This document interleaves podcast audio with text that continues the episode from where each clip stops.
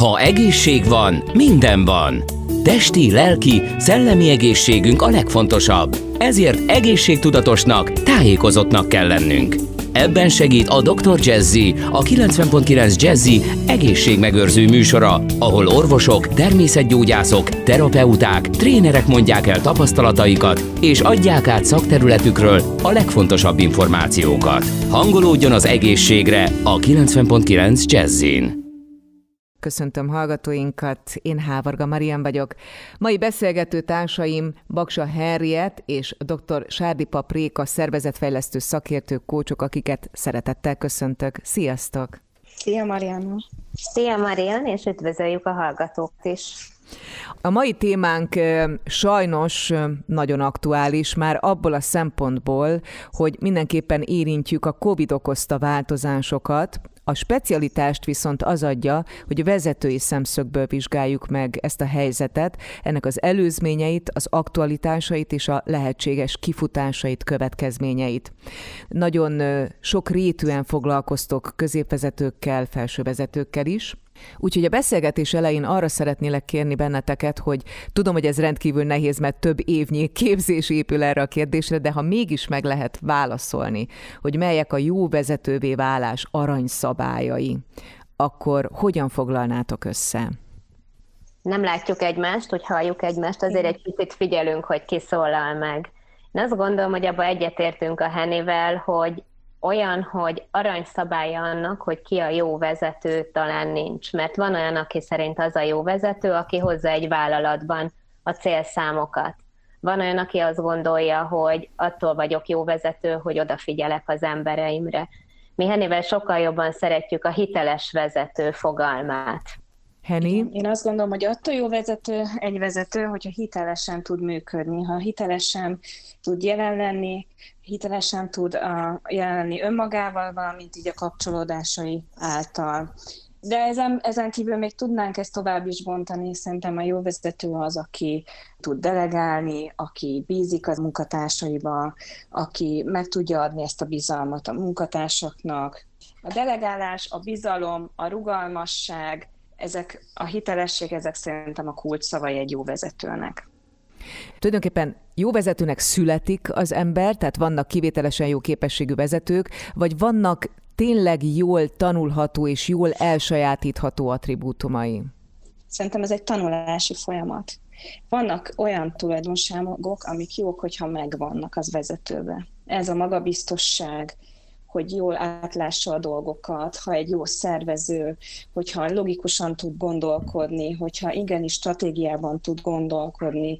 De alapvetően szerintem ez egy tanulási folyamat. Egyetértek a Henivel nagyon abban, hogy mindenkinek van egy-egy olyan képessége, amire tud támaszkodni egy vezetővé válás folyamatában, meg abban, hogy ő jó vezető legyen. De az egy tanulás, az egy vezetői önismereti folyamat, hogy tudja, hogy mik azok a képességeire, amikre ő mindig is támaszkodhat, és melyek azok, amiket neki skillek, képességek, amiket fejlesztenie kell, és oda kell figyelnie, hogy azt egyre jobban tudja működtetni. A COVID szerinted, szerintetek milyen károkat okozott? Most nem feltétlenül arra vagyok kíváncsi, hogy a szervezeteken belül, hanem hogy például a vezetők számára mi volt a legnagyobb feladat, vagy mi a legnagyobb feladat, mivel kell szembenézniük? Én azt gondolom, hogy mindenféleképpen arra volt nagy szükségük a vezetőknek, hogy időt kérjenek önmaguktól, és hogy ránézzenek arra, hogy most egy másik fajta helyzettel néznek szembe, mint amit eddig megszoktak, és hogy azok a működési, működtetési módszerek, amit eddig alkalmaztak, arra olyan szemmel nézzenek rá, hogy ez most mennyire hasznos az ő csapatuk számára, melyik az, ami most nem hasznos. Hogyan tudnak egyszerre kapcsolattartó viselkedést, tehát az embereket támogatni, hogyan tudják vezetőként, és hogyan tudják a feladatkiosztást, az utasításos oldalukat is erősíteni. Én azt gondolom, hogy minden vezető kezében van egy ilyen szabályozó, hogy mi van előtérben, és milyen arányban van az, hogy az embereimre figyelek meg a feladatra.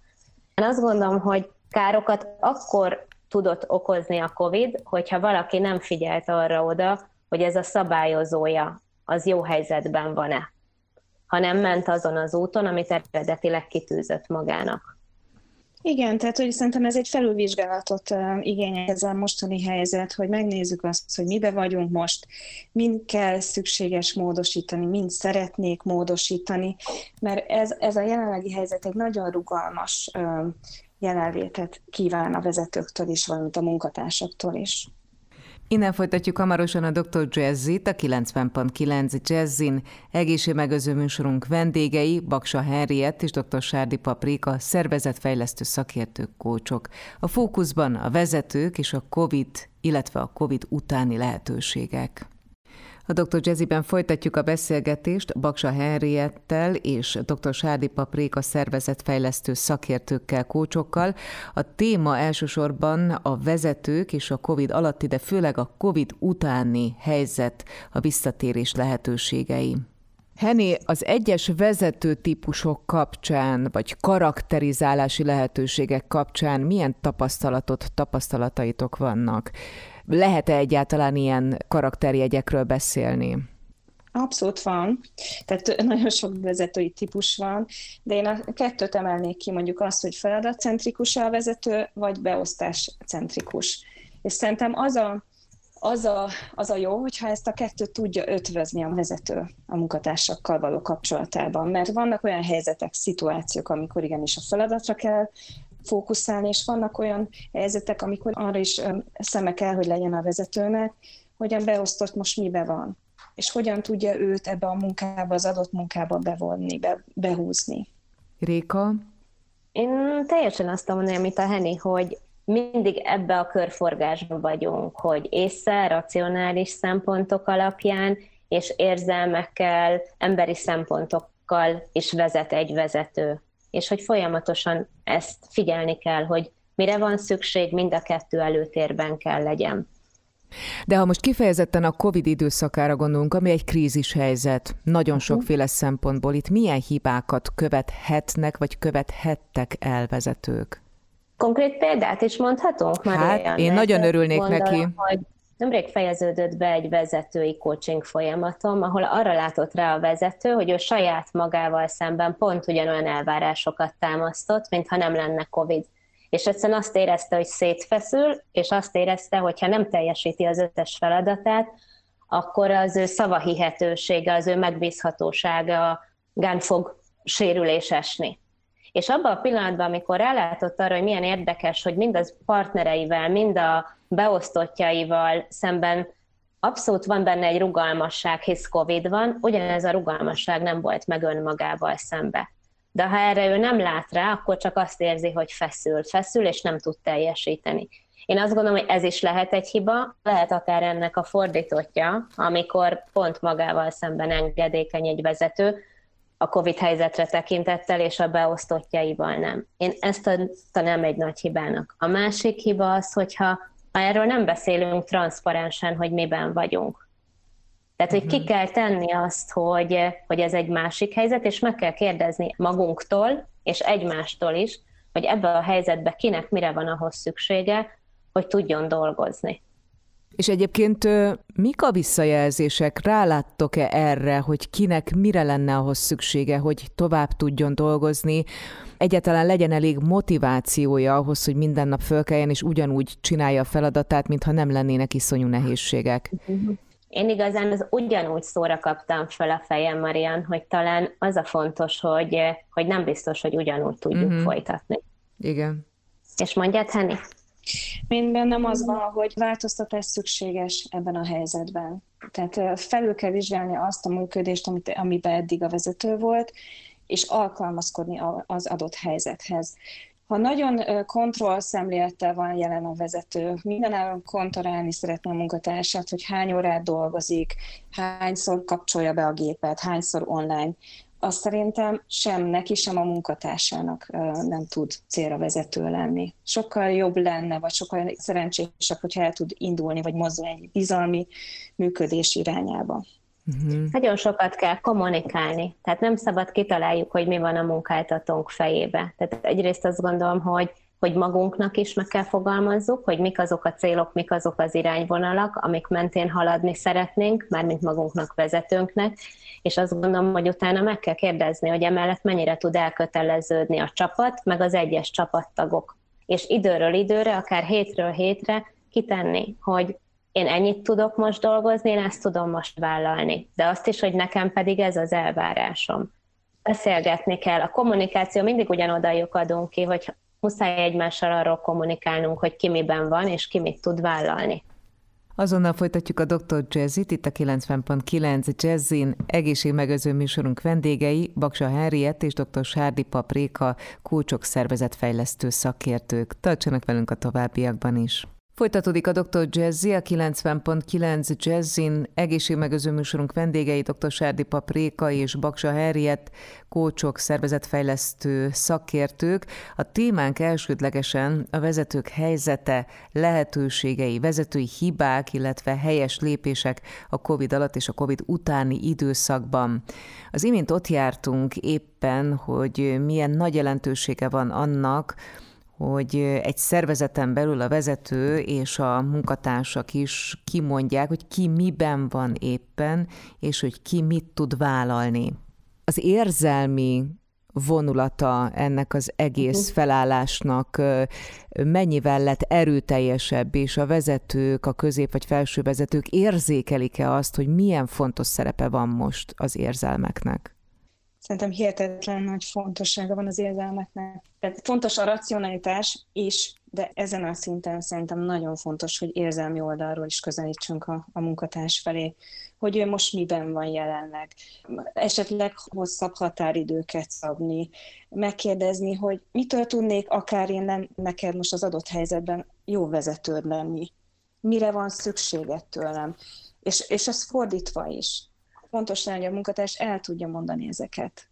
Én azt gondolom, Marian két dologra is nagyon rávilágította. Az egyik, hogy az a vezető, akinek eddig nem volt fontos a HR, a személyügy, az most sokkal nagyobb bajban van, és valószínűleg most van abban a helyzetben, ahol segítséget kell kérni a munkájához, akár egy HR-től, akár egy külső szakembertől, hogy meg tudja tartani a csapatát.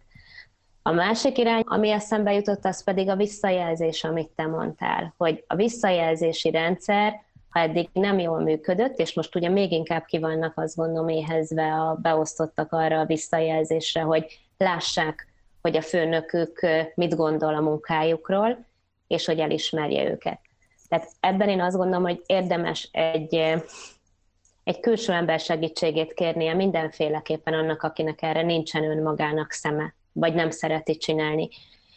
És visszatérve arra, amit mondta, hogy mekkora károkat tud okozni. Tehát én azt gondolom, hogy ha erre nem figyelünk oda az embereknek, az emberi működési oldalra, akkor viszont tud kár keletkezni egy csapatban, és mindenféleképpen azért ugyanúgy, mint az egészségnél a megelőzés, sokkal könnyebb, kevésbé fájdalmas, mint, mint akkor, amikor már a baj ott van.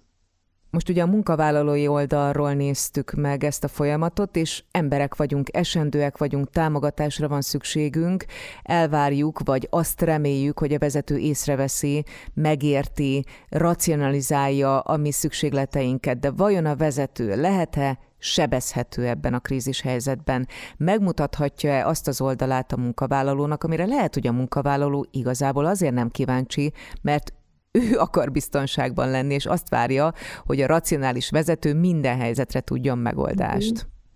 Ezért kezdtük a hitelességgel. Szerintem egy hiteles vezető azt kommunikálja, amit a meggyőződése diktál. Akkor tud hiteles lenni hogyha követi a saját hangját, a belső hangját, és azt mondja, és azt teszi, ami benne van.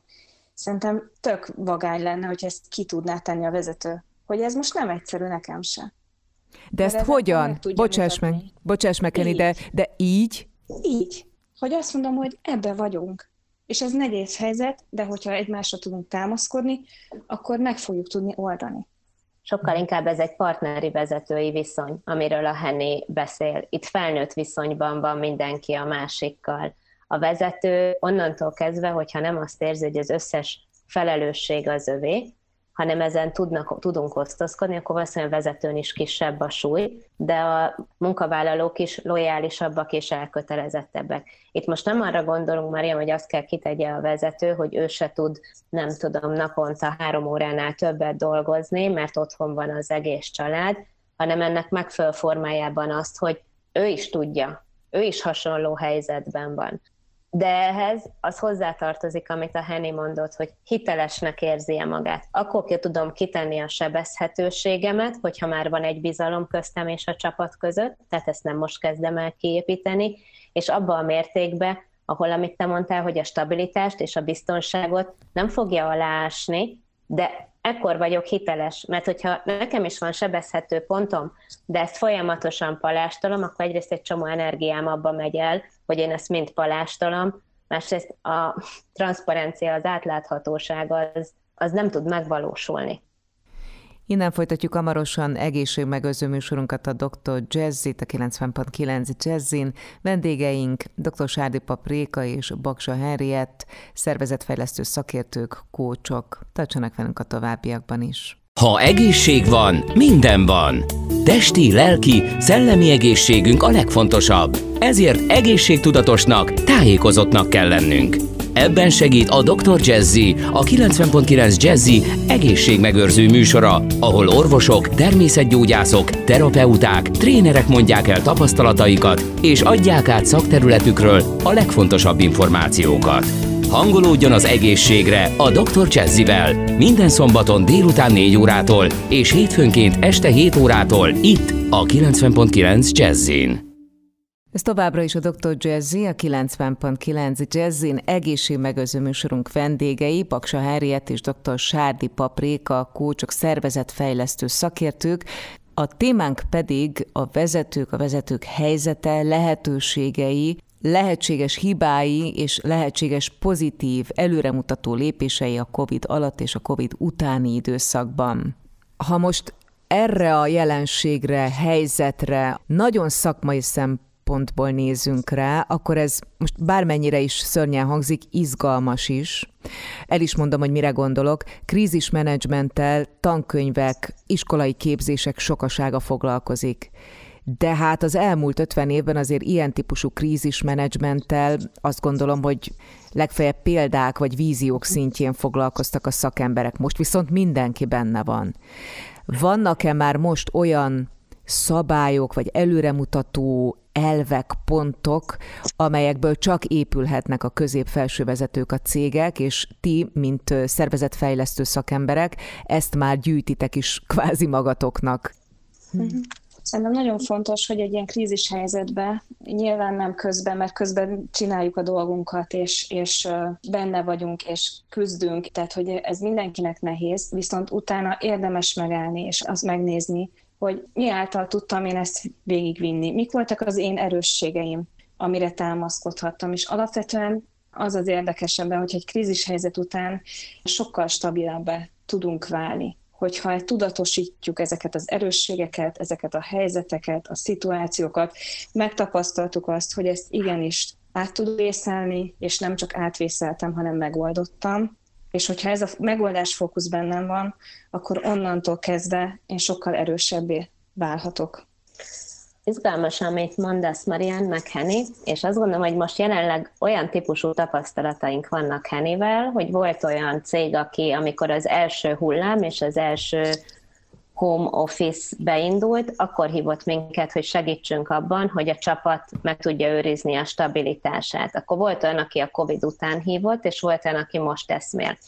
Én azt gondolom, hogy mindenféleképpen a feladatra koncentrálás mellett szükséges valamilyen, valami olyan tervet is kidolgozni, hogy hogyan tud megmaradni a csapatnak a stabilitása. És ezt ahhoz tudnám hasonlítani, mint hogyha van egy hajó, és ennek a hajónak van egy tőkesúlya. Most iszonyatos viharban vagyunk. És ennek a csapatnak már biztos, hogy van egy tőkesúlya, aki kimegy a viharba.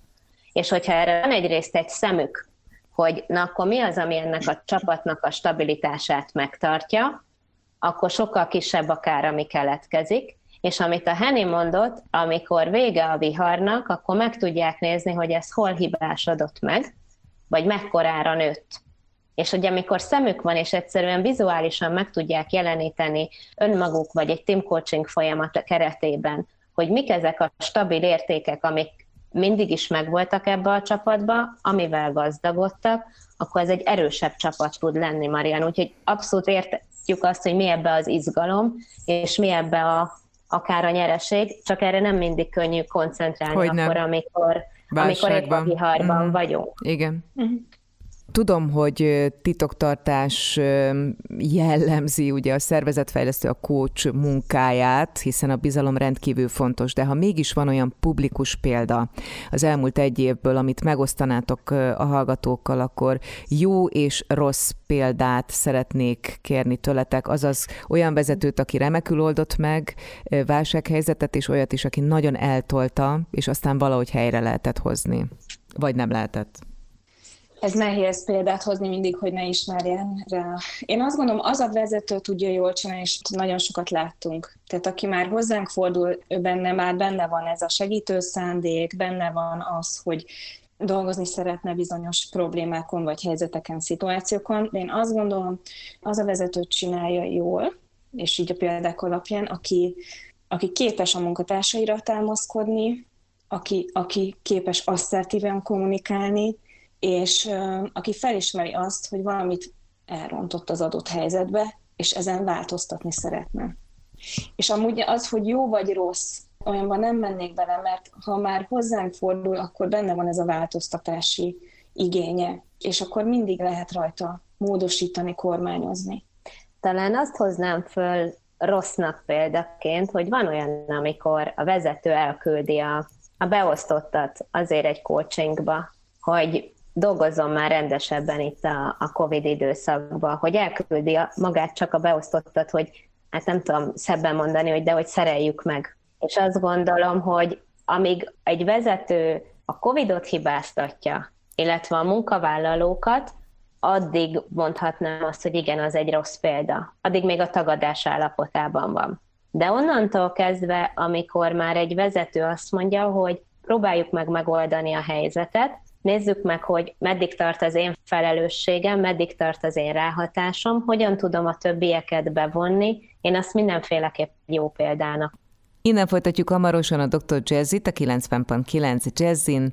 A vendégek Baksa Henriett és dr. Sárdi Réka, szervezetfejlesztő, szakértők, kócsok, a témánk pedig a COVID és a vezetők. Folytatódik a Dr. Jazzy, a 90.9 Jazzin, Egészségmegőző műsorunk vendégei dr. Sárdi Papréka és Baksa Henriett, szervezetfejlesztő szakértők, kócsok, a témánk pedig a vezetők és a COVID.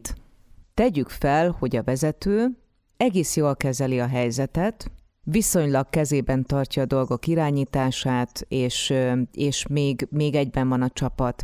Lemegy a COVID, hatalmas károkat és romokat hagyva maga után, és a cég, ahol a vezető van, egyszerűen azért nem tud például tovább lépni, mert a beszállítói, az üzleti partnerei, mindenki, akivel kapcsolatban volt az elmúlt években, esetleg rosszabb állapotban vannak, mint ő és a cége.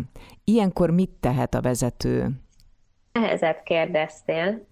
Egyik azt szoktuk mondani a, a vezetőknek, hogy hogy hitelre ne aggódjunk, tehát, hogy figyeljük meg azt, hogy mi az, amire már most ráhatásunk. Viszont azt is abszolút érzem a kérdésedben, hogy ez egy felkészülünk. Tehát ez a nézzük Igen. meg, hogy milyen eshetőségek Így van. vannak. És hogy hogyan van az, hogy ez nem egy aggódás, hanem abszolút egy előrelátás, hogy hogyan tud arra felkészülni egy vezető, hogy mi van akkor, hogyha az üzlettársai nál keletkezett sokkal nagyobb rom.